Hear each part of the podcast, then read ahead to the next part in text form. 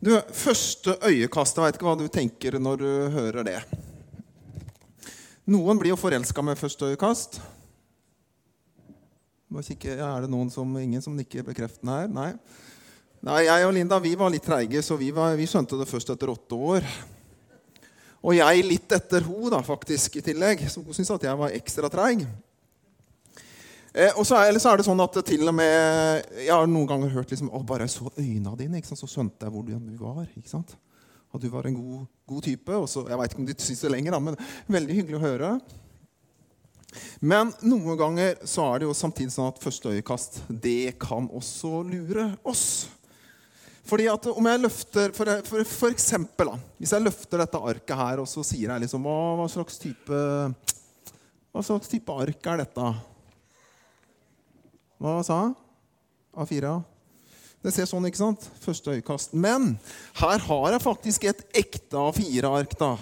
Og hvis jeg liksom legger disse oppå hverandre sånn, så kan jeg se at det kan jeg se når jeg ser helt nære. så ser jeg at det stemmer jo ikke. Det arket der det er både litt skeivt og litt fillete. For sånn er det når vi kommer nærme hverandre. ikke sant? Da blir det bildet annerledes. Annerledes enn det du tenkte med det første øyekastet.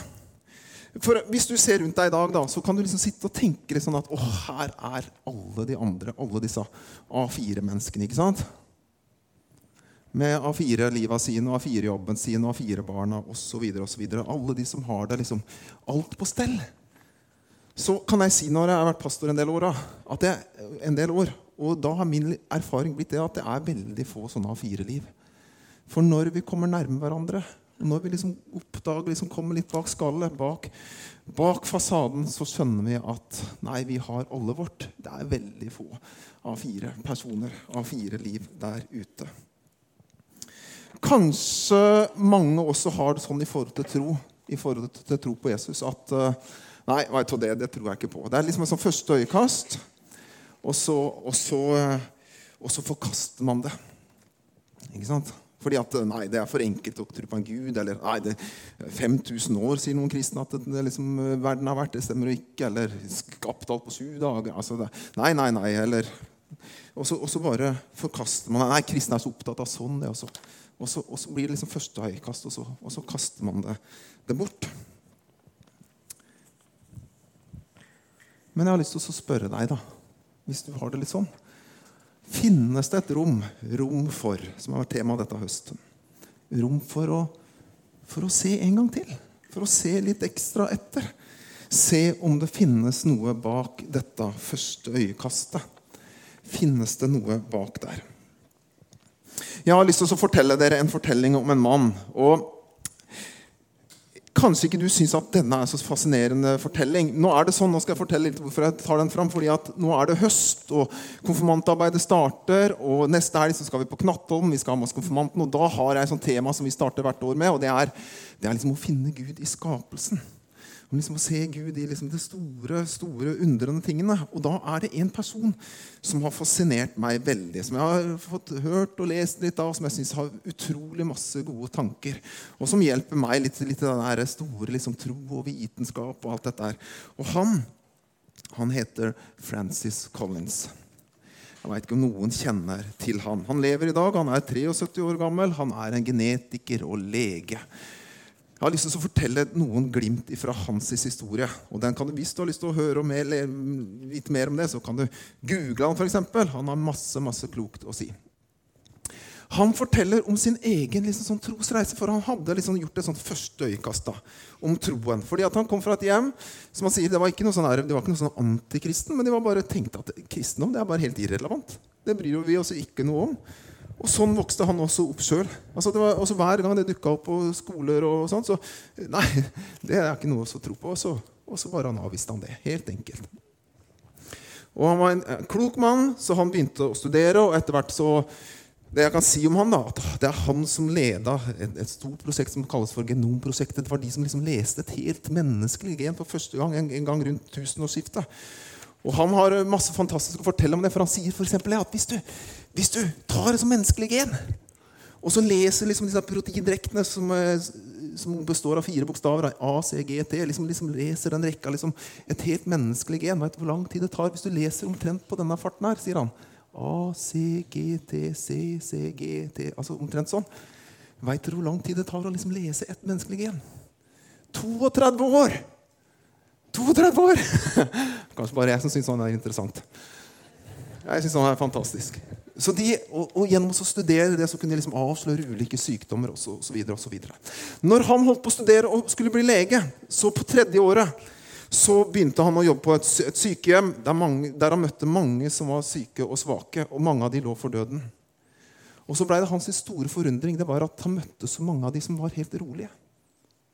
Og som hvilte i sin tro i møte med det som venta. Og det syntes han var veldig problematisk for han sjøl. Når han hørte Disses historie, så syntes han det var kjempevanskelig. Og En dag så sitter han og så snakker han med en eldre dame på, på rommet hennes. Og så forteller hun plutselig bare helt enkelt om sin tro på Jesus. Og om det som venter, om himmelen, og, og hvordan hun er helt rolig i forhold til dette. her. Og så avslutter hun med å si følgende. For det første blir det helt stille rom, og Han klarer ikke å si noe. Så sier han sånn du, 'Jeg venta at du skulle si noe, doktor', sier hun. Og han er bare helt stille, og så sier hun, men, men du, doktor, hva tror du? Hva tror du på? Og så sier Francis Collins at i det øyeblikket så, så plutselig blir han helt avslørt. Han som liksom er så klok, og som studerer de liksom, djupeste, største tinga, liksom, liksom stiller de største, største spørsmåla.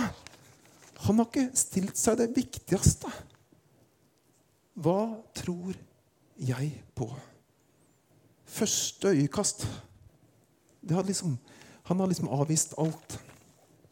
Og så begynner han sin trosreise der han studerer ulike religioner osv. Og, så og så er det en som gir han en bok av den kjente forfatteren som har skrevet Narnia-bøkene, nemlig C.S. Lewis.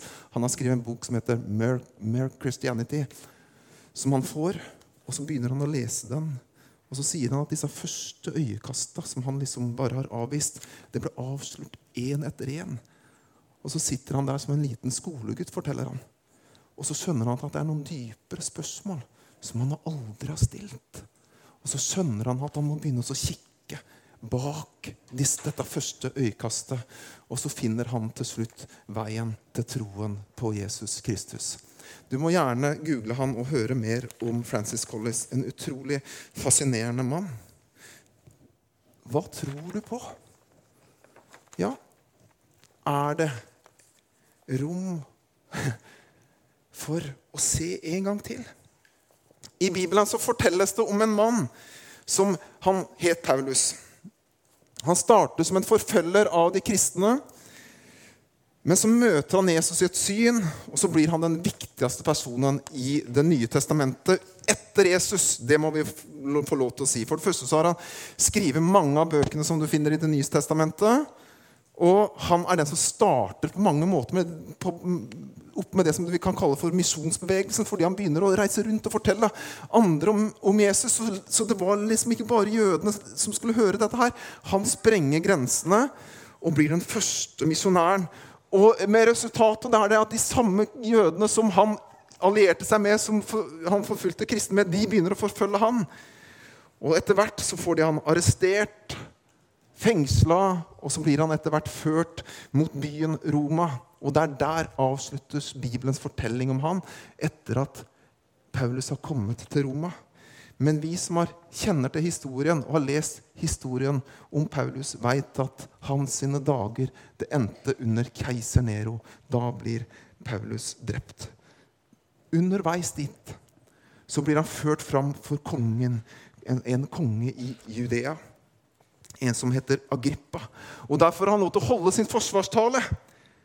Og etter å ha fortalt kong Agrippa om hva han tror på, om Jesus, om hvem han har møtt, om sin vei til tro, så sier Paulus følgende til kong Agrippa. Du hva, kong Agrippa, du kjenner jo til alt dette. Jeg er overbevist om at du må ha hørt om Jesus. Altså For alle, alle som bor i dette landet du er konge over, de har jo hørt om det. Du må ha hørt om det, du også. Tror du på profeten og kong Agrippa? Jeg veit at du tror, sier Paulus. Og så fortsetter fortellingen på denne måten.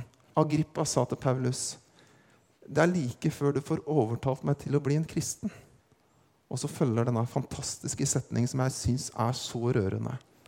Og Paulus svarte, like før eller langt igjen.